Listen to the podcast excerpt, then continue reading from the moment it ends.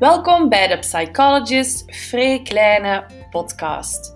Mijn naam is Free en ik neem jou graag mee doorheen verschillende topics uit de psychologie, levenservaringen en voorbeelden uit de praktijk. Soms neemt er een special guest deel die op zijn beurt zijn of haar kennis en ervaringen met ons deelt. Enjoy de podcast.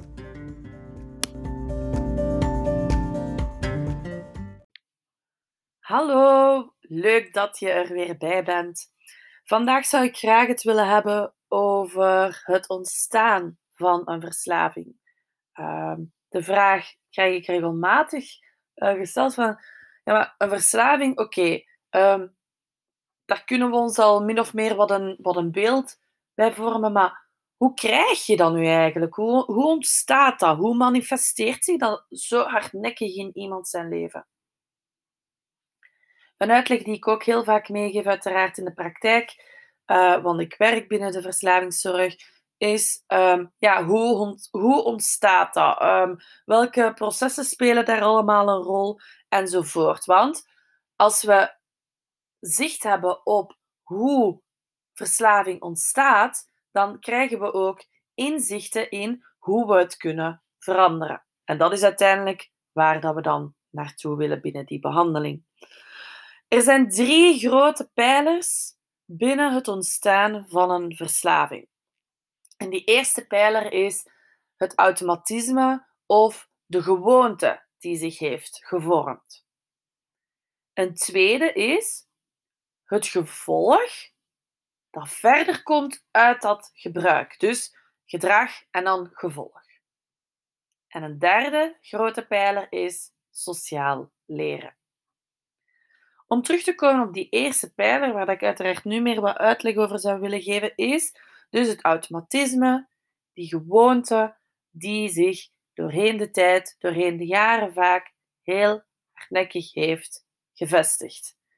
Ehm, ik omschrijf dat altijd als een gewoonte of als een automatisme, omdat het vaak een handeling is die je niet meer doorhebt dat je ze aan het doen bent. Bijvoorbeeld, heb ik die sigaret nu, heb ik, heb ik nu weer al een nieuwe sigaret opgestoken? Of heb ik dat glas nu weer al bijgevuld? Of uh, ja, ik heb die fles eigenlijk al zo automatisch uit de koelkast genomen en geopend en een glas ingeschonken. En, en zonder dat ik daar eigenlijk bij stil stond. Dus dat is hetgeen wat er eigenlijk wordt bedoeld met de automatisme en die gewoonte. En zoals ik daarnet ook al zei, een verslaving ja, dat ontstaat niet van vandaag op morgen. Hè? Dat is iets dat, dat doorheen de tijd zich ontwikkelt. En ehm, wat ook een belangrijk punt is, is dat verslavingsgedrag geassocieerd wordt met bepaalde situaties, plaatsen, mensen, emoties. Er worden linken gemaakt, er worden associaties gemaakt. Bijvoorbeeld, wat ik ook heel vaak hoor in de praktijk is, ah ja, rond. Uh, ik, ik heb een van mijn uh, cliënten die dat op een heel leuke manier wel zegt. Die zegt dan, het is de vijf uur show. En de vijf uur show houdt in, uh, ja, om vijf uur komt die trek, Om vijf uur komt die zin om te gaan drinken naar boven. En ehm, dat, is, dat doet denken en zin krijgen in alcohol drinken. En dus die... Ehm, associatie met vijf uur is gemaakt. Of uh, zonnig weer geeft zin om alcohol te drinken. Maar ook emoties hè, spelen een heel belangrijke rol. Bijvoorbeeld spanning, verdriet, wilt heel vaak gedempt worden. En dat geeft ook zin om te gaan gebruiken. Nu, als we bijvoorbeeld kijken naar dat voorbeeld van vijf uur in de middag, ik denk dat heel veel mensen zich daarin gaan herkennen. Het thuiskomen van het werk, of dat nu om vijf uur is of om zes uur of om zeven uur. Maar dat bepaald moment in de dag, dat geeft zin om te gaan drinken. En dat is eigenlijk een associatie die doorheen de tijd gesteld is. Want als we gaan kijken naar iemand bijvoorbeeld die niet drinkt of die geen drugs gebruikt, ja, vijf uur in de middag heeft totaal niks te maken. Ah, initieel heeft dat niks te maken met alcohol. Maar omdat die twee altijd gelinkt geweest zijn aan elkaar, is daar een heel sterke connectie ontstaan tussen vijf uur en drinken bijvoorbeeld. En daardoor komt die trek ook op die momenten. Ehm, wat je kan leren is, of wat je eigenlijk jezelf hebt aangeleerd, is dat die dingen dus op een irrationele manier verbonden zijn en uh, waardoor dat je eigenlijk automatisch trek gaat ervaren. En interessant weet je hierbij ook is dat ons lichaam zich zo gaat um, gelijk zetten, bijvoorbeeld aan dat bepaald uur. Ik vergelijk dat altijd een beetje met um, ja, die inwendige klok, hè, die dat er gebeurt. Dat is hetzelfde als dat, uh, als, als je een huisdier hebt, zult je dat wel herkennen dat je hond altijd perfect weet dat hij al raam staat te wachten, of je kat, van het moment dat je gaat thuiskomen. En dat zijn ook ja, associaties die gelegd zijn met dat bepaald punt in de dag. En dat is eigenlijk een beetje, ja, vind ik wel een, een vergelijking van hoe dat, dat eigenlijk in ons brein dan uh, plaatsvindt rond um, ja, dat, dat drinken op bepaalde momenten in de dag. Of die um, dat druggebruik op dat bepaald feestje enzovoort. En interessant iets daarbij is ook um, dat je um, bijvoorbeeld bij een receptie op het werk of zo, ik zeg maar iets, dat je thuis zonder moeite drie, vier, vijf glazen wijn kunt drinken zonder eigenlijk er heel veel van te voelen of nog van uh, effect van te hebben. Maar dat je bijvoorbeeld als je een receptie hebt, uh, smiddags uh, op het werk, voor een verjaardag of voor uh, een, een, een eindejaarsfeestje enzovoort, dat je dan na één of twee glazen eigenlijk al wel best dronken kunt voelen. En dat is iets dat, dat een heel belangrijk aspect is in die associatie. Want je lichaam is dan niet gewoon dat jij om 12 of om 1 uur die één of twee glazen wijn drinkt. En dus gaat je een heel ander effect gaan krijgen dan dat je hebt om vijf uur in de middag, waar, daar, waar dat je het al jaren op die manier eigenlijk doet.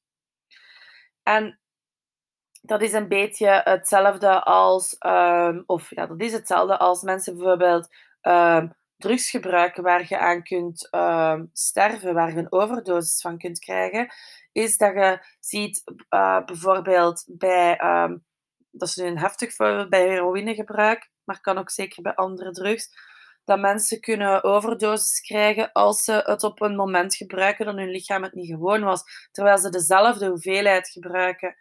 Um, dus daar zie je hoe sterk die associaties zijn en hoe sterk je lichaam zich eigenlijk afstemt op, um, ja, op wat er komen gaat.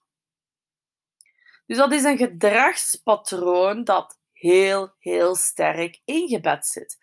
Ik vergelijk dat altijd met een kaartenhuisje. Dat kaartenhuisje is enorm, enorm sterk. Maar als we verandering willen brengen, gaan we veranderingen in dat patroon moeten brengen. We willen dat kaartenhuis doen instorten om een nieuw op te bouwen. Een nieuw, nieuwe manier, een nieuwe levensstijl die jij graag wilt. Want ik vind het zo belangrijk dat mensen weten, kijk, je kunt daaruit stappen uit die verslaving. Je kunt dat overwinnen. En je kunt weer het leven gaan leiden dat je wilt. Um, zonder dat iets jou zo in zijn macht heeft. Dus dat is iets um, wat ook belangrijk is binnen deze eerste stap van gedragspatroonverandering. Um, dat is iets waar dat binnen behandeling ook heel erg op wordt uh, ja, ingezet. Dus een eerste pijler binnen het ontstaan van verslaving is die gewoonte of die verslaving die um, ontstaat. Een tweede manier is hoe, hoe of welk gevoel krijg je na het gebruik van een middel. Want vaak zijt je op zoek naar iets om of te dempen of um, om een, een pepper te krijgen of weet ik veel. Maar er is een functie aan dat gebruik verbonden. Je doet dat niet zomaar. Dus een tweede grote pijler in het ontstaan van verslaving is welk effect wordt er eigenlijk veroorzaakt. En vaak is dat natuurlijk iets uh, positiefs dat het jou geeft, um, want daar zijt je naar op zoek en anders zou het ook natuurlijk niet verslavend zijn. Belangrijk is, dat is natuurlijk een quick fix. Dat is op korte termijn dat er een positief effect ontstaat. Want let's be honest, als je gaat kijken naar ten eerste uh, langdurig alcoholgebruik en veel meer gebruiken dan je eigenlijk wilt. En eigenlijk gaan gebruiken op momenten dat je, dat je zegt van, waarom doe ik dit eigenlijk nog? Merk je dat er al lang geen sprake meer is van die positieve effecten. Die langdurige negatieve effecten, dat is hetgeen waar, wat, waar het bij verslaving vaak dan om draait. En daarom wilt je daar ook vanaf, want ja, dat is gewoon heel, heel slopend. Ehm, dus ja, korte termijn effect is vaak op, um, of korte termijn positief effect, beter gezegd, is vaak iets dat op korte termijn gebeurt na het gebruik. Bijvoorbeeld, je bent gespannen, je drinkt alcohol en je wordt ontspannen. Of, ik ben best onzeker, ik drink alcohol, maar ik voel me toch wel iets zelfzekerder, want ik durf nu tenminste niets te zeggen. Uiteraard blijft het onderliggende probleem. Hè? Ehm, maar dat is dus iets hoe verslaving ook ontstaat door die quick fix. Denk ook, het is een leerproces. Hè? Want wat hier wordt geleerd is, ah, ik voel mij ontspannen. Ik, vind dat eigenlijk, uh, ik voel mij gespannen, beter gezegd. Ik voel mij gestrest. Ik vind dat eigenlijk geen aangenaam gevoel.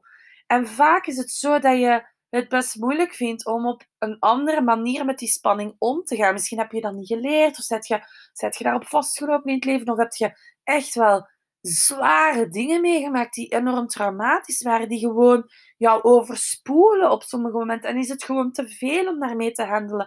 En um, daarom, dat, dat, zijn dingen die je dan hebt geleerd van, hé, hey, maar die alcohol of die drugs, die dempt het wel. En dan maakt het dan toch even iets draaglijker. En, uh, dus dat is iets dat je hebt aangeleerd aan jezelf. Hè? Van, oké, die spanning, ik kan daar op geen andere manier mee om op dit moment. En, en, en dan is die, die drugs of die alcohol toch wel een, een quick fix. Natuurlijk, bijvoorbeeld, ah, die alcohol, ja, dat zorgt dan op, een, op dat moment, op korte termijn, voor een gevoel van ontspanning. Maar ja, wat heb je geleerd? Alcohol doet spanning vermijden. Dus alcohol wordt op dat moment uh, gerelateerd, dat wordt, dat wordt uh, uh, gelinkt aan positieve ervaringen. Maar nogmaals, dat is een positief gevolg op korte termijn. Het is een quick fix. Um, en je wilt uiteraard stoppen omdat je merkt op termijn van, damn, er zijn eigenlijk veel meer negatieve effecten dan nog um, positieve effecten. Een goede oefening hiervoor kan zijn, is om voor jezelf eens te gaan opschrijven van, hey, wat zijn eigenlijk de voordelen voor mij om te stoppen of om te minderen met dat gebruik? En wat zijn de nadelen van het gebruik? Dat is een leuke oefening om hier eens te gaan doen. Dus, tweede pijler is het leerproces, het gevolg dat komt op het gebruik. Quick fix, positief effect, langdurig, zijn er alleen nog maar negatieve gevolgen. Derde grote pijler in het ontstaan van een verslaving is sociaal leren. Wij zijn sociale dieren als mens, dus wij leren van onze omgeving. Wij leren um, door middel wat we zien of wat we uh, ervaren van andere mensen. En vaak, uiteraard, is dat, dat begint al in het gezin waar dat we opgroeien. Hoe wordt daar met alcohol en drugs omgegaan? Is alcohol iets dat um, altijd uh, als normaal werd gezien? Stevig alcoholgebruik hoorde er altijd bij anders is het niet gezellig, enzovoort. Dus is het iets dat als normaal wordt beschouwd binnen jouw gezin van herkomst? Of is het iets dat je ook altijd gezien hebt? Bijvoorbeeld, um, hoe raar het ook klinkt, als je. Um, het kan twee richtingen op, maar ik hoor toch ook heel vaak van uh, mensen bij mij uh, in de praktijk van oké, ja, ik, ik ben wel opgegroeid met ouders bijvoorbeeld die veel dronken. Um, uh, ik ik ben ook best wel uh, gevoelig om verslaving te ontwikkelen. Dat kan ook. Het is zowel natuurlijk het sociale leren van wat je leert uit je omgeving, maar ook genetisch. Maar ik kom daar zelfs, zelfs even op terug, op dat genetisch gedeelte. Laat ons even focussen op het sociale leren. Dus uh, wat dat je ziet in je omgeving, door middel van het gezin waar je opgroeit, maar uiteraard als je ouder wordt ook je vriendengroepen. Hè? Heel bepalend voor hoe je perceptie is op drug- of alcoholgebruik.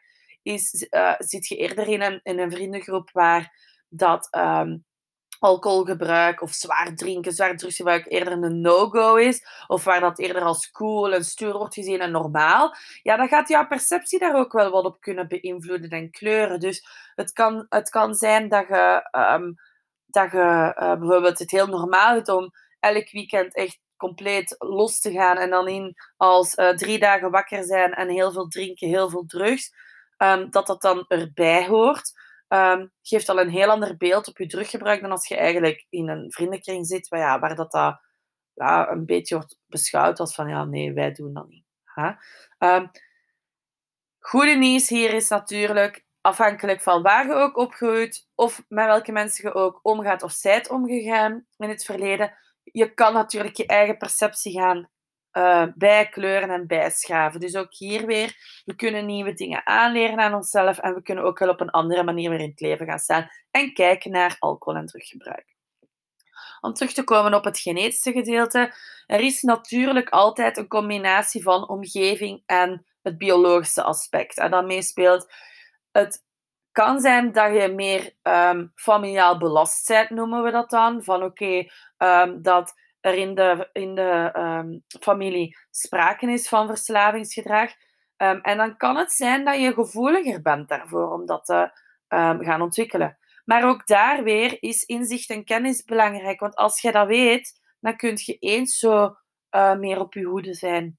En eens zo voorzichtig zijn. Dus inzicht en kennis is gewoon heel, heel belangrijk om voor jezelf uit te maken van oké, moet ik extra voorzichtig zijn of niet?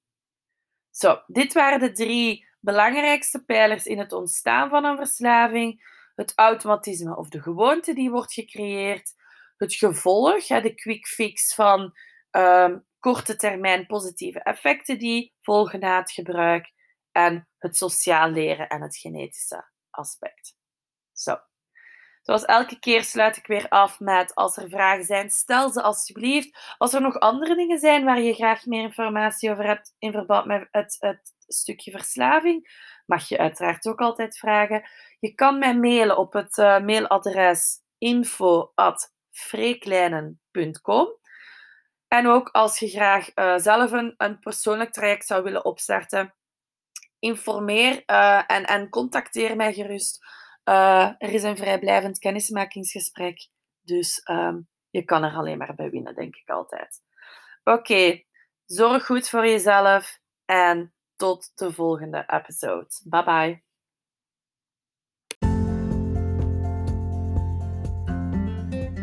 Fijn dat je weer luisterde naar de Psychologist Vrij Kleine podcast. Om op de hoogte te blijven van verschillende topics uit de psychologie Blijf zeker luisteren. Deel mijn podcast met anderen waarvan je denkt dat ze er zeker baat bij kunnen hebben. Als je vragen hebt of er zijn topics die nog niet aan bod gekomen zijn en waar je graag meer over wil weten, stuur me gerust een mailtje op info.freekleine.com of als je graag een persoonlijk traject wilt starten, kan dat uiteraard ook. Er is altijd ruimte voor een vrijblijvend kennismakingsgesprek waarna je nog altijd een verdere beslissing kan nemen. Tot snel, bye bye.